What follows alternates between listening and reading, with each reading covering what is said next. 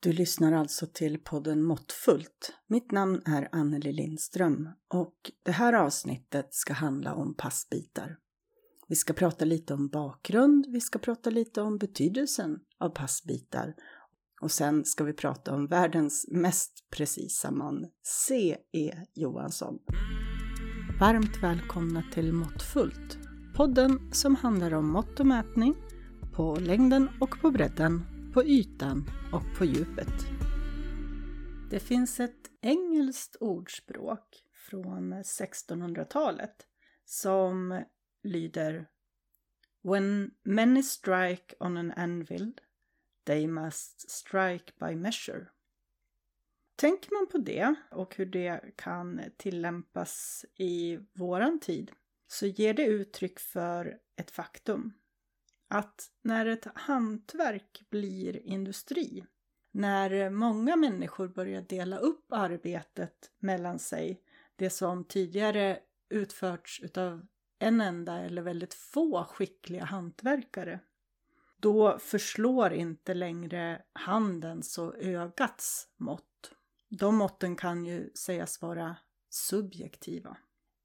En av de här stora landvinningarna kring mätning och kring förvaltandet utav mått, den hände och den skedde precis i slutet utav 1800-talet. 1890-talet, då gick det en eh, kille på praktik kan man säga. En kille som hette Karl Edvard Johansson. Han gick på praktik på Eskilstuna gevärsfaktori han började sin praktik där 1887. Och hans uppgift den var att hålla reda på alla dessa pass, eh, passmått som de använde. När de tillverkade gevär så hade de för varje modell så hade de då ett eller flera passmått. Och det är små pinnar med ansatser på som man kan hålla upp mot och jämföra med den detaljen som man tillverkar. Och då vet man när det stämmer med de här måtten på den här pinnen, ja då, då är grejen man tillverkar bra. Och eh, sen kan man då montera den detaljen tillsammans med en annan detalj till en montering då, och i det här fallet handlar det om gevär. Gevär är ju en sån eh, vara eller sån produkt som innebär att om den inte funkar i krigstid till exempel, då, då ligger ju den som håller i geväret och hade tänkt att det skulle fungera ganska risigt till. Så det finns ju en, en, en önskan om att de här sakerna ska passa på ett sätt som gör att, att funktionen säkerställs. Så därför så var det ju väldigt petigt med de här passmåtten.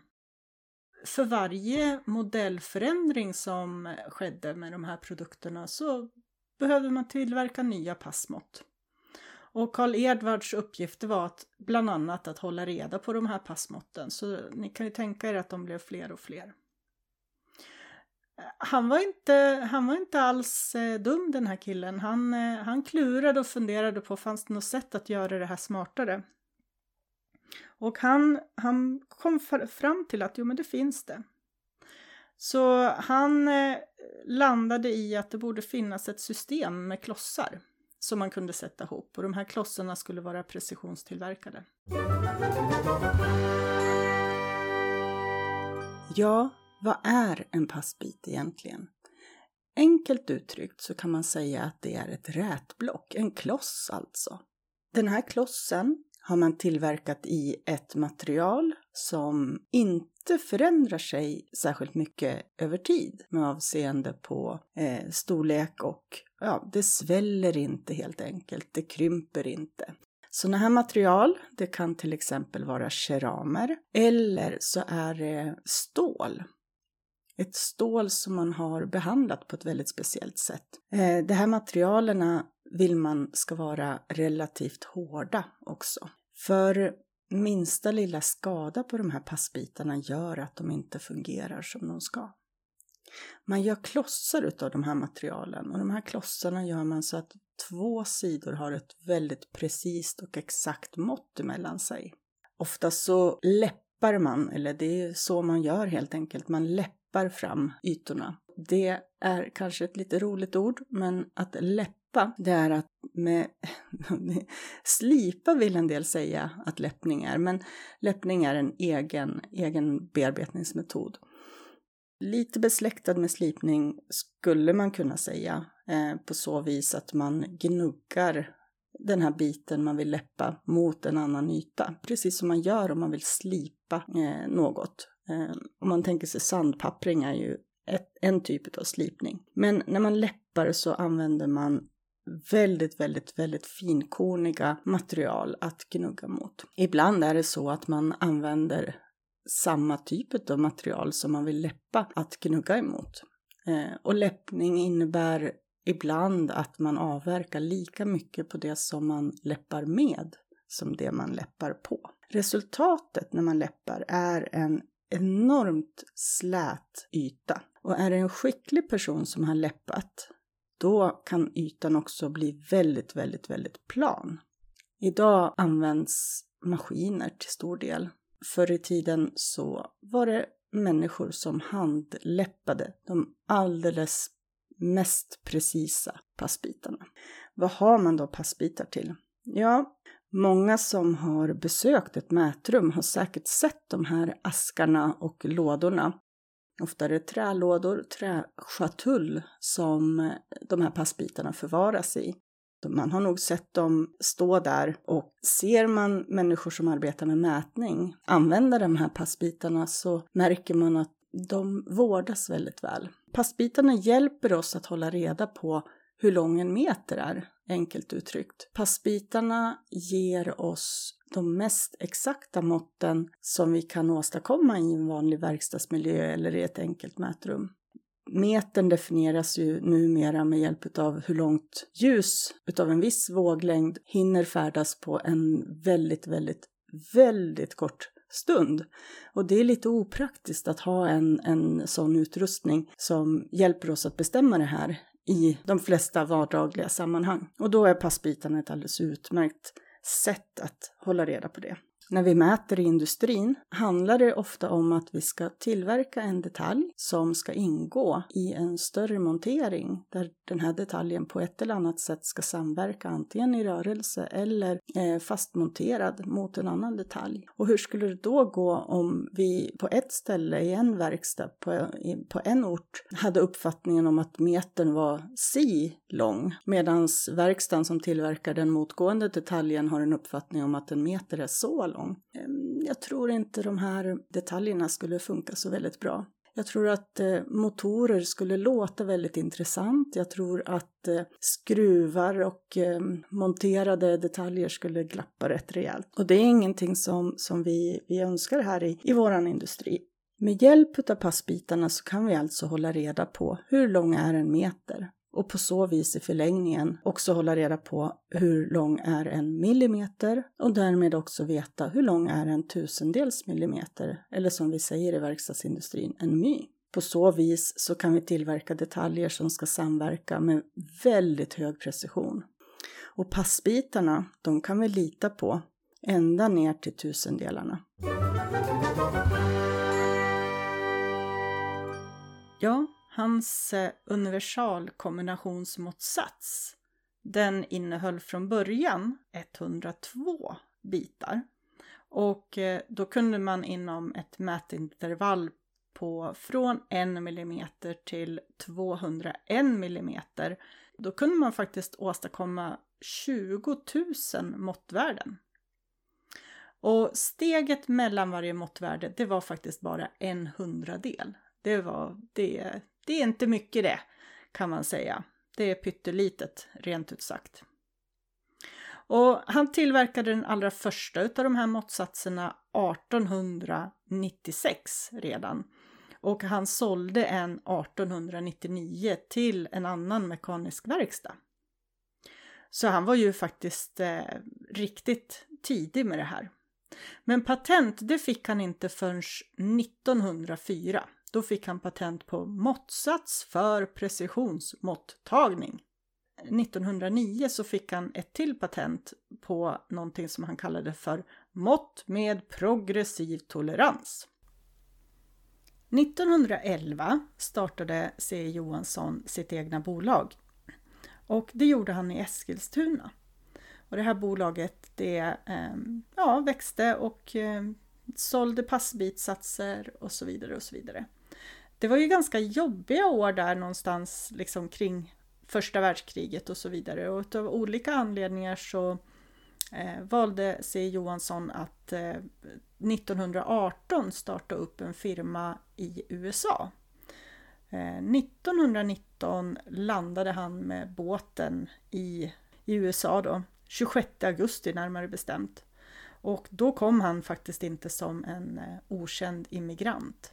Utan han kom, han hälsades som Sveriges Edison och den mest precisa mannen i världen. Han startade upp sin firma och först så var den i New York City men eh, sen flyttade han ut till Pittsburgh till en ort som hette Poughkeepsie.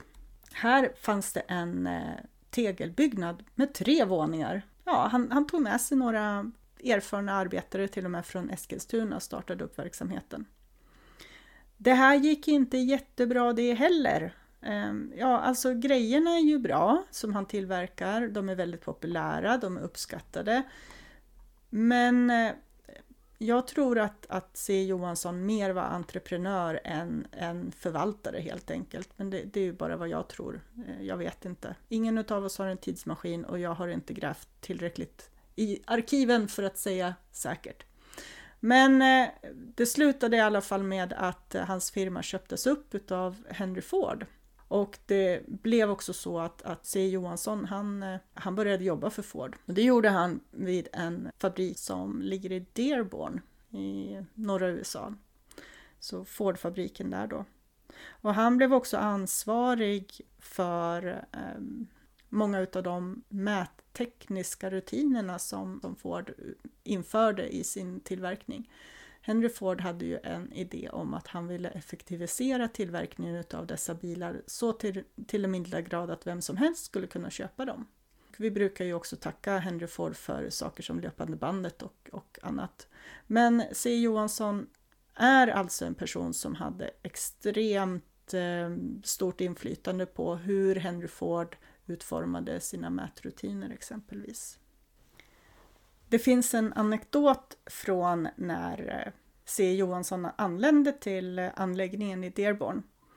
Och det är att han i förväg hade bett om att ett speciellt rum skulle ställas i ordning till hans, för hans räkning, där han skulle kunna göra alla de här mätsakerna för Fords, eh, åt Ford, Henry Ford.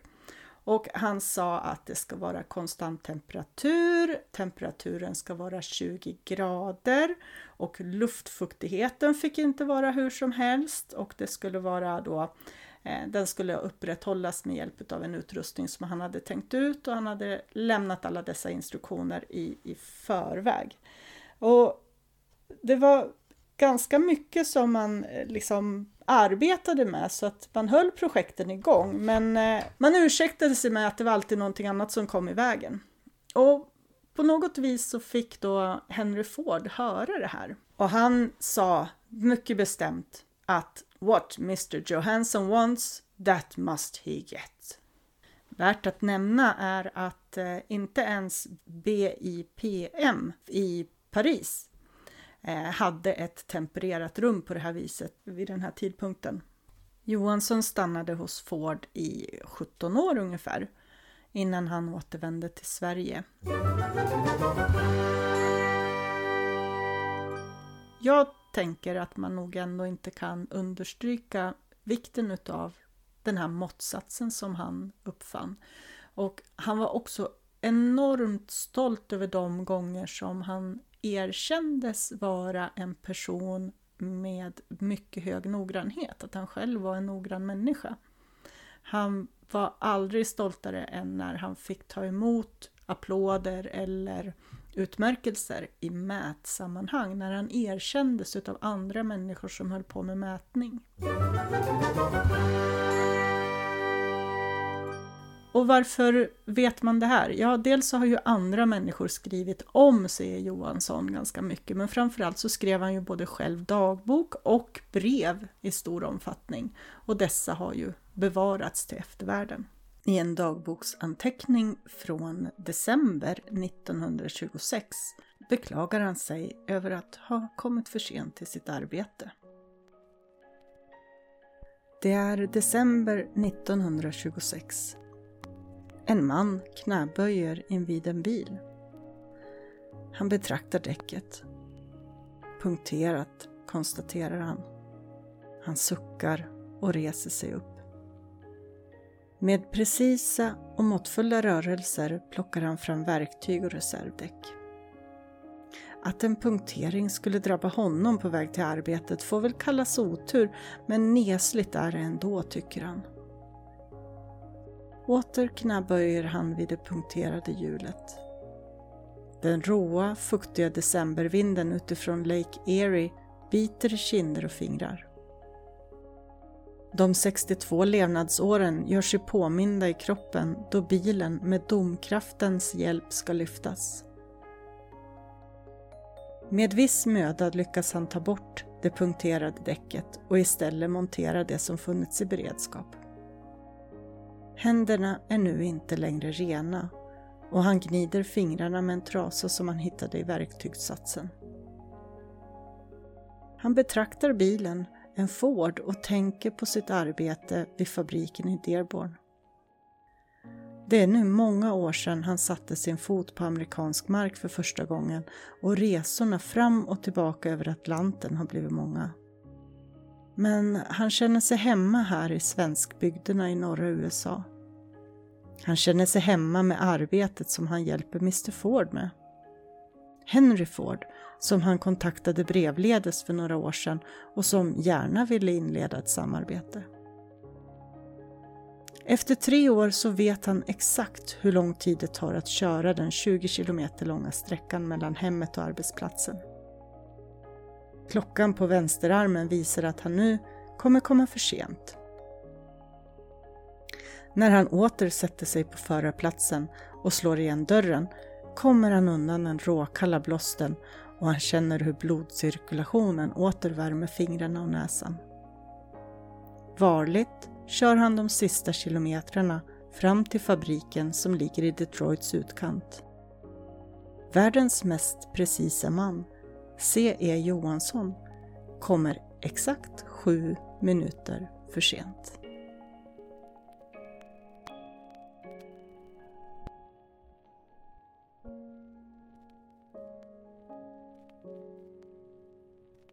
Det här var det andra avsnittet och förhoppningsvis så blir det många fler framöver.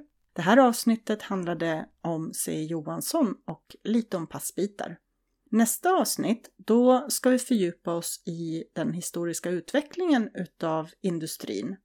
Och med mig som gäst har jag då en historiker som heter Niklas Ulvebrand. Vi hörs!